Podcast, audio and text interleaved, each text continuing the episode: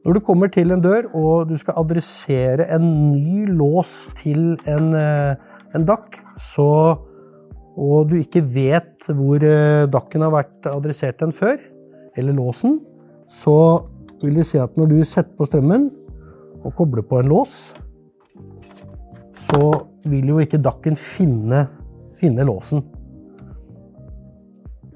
Og det som skjer da, etter en liten stund, det er at eh, at uh, låsen, den lysdioden bak på låsen, den vil begynne å blinke rødt. Og når den blinker rødt, så betyr det at han sier 'jeg er adressert til en annen dakk'. Og da må du avadressere låsen for å få den til å snakke med den nye DAC-en som vi har her. Og nå ser dere bak på låsen her, så ser dere at den begynner å blinke rødt. Det vi gjør da, det er at vi tar av strømmen en gang, og så setter vi på strømmen igjen.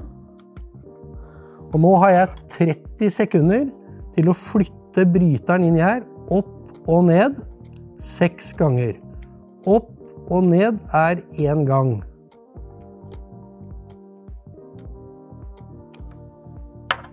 Så tar jeg av og på strømmen en gang til.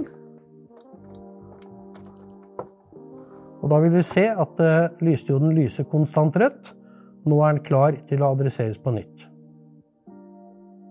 Hvis vi venter nå de 40 sekundene som eh, man vanligvis gjør, så vil dere se at den blå lysdioden begynner å flimre fort, og den gule lyser konstant.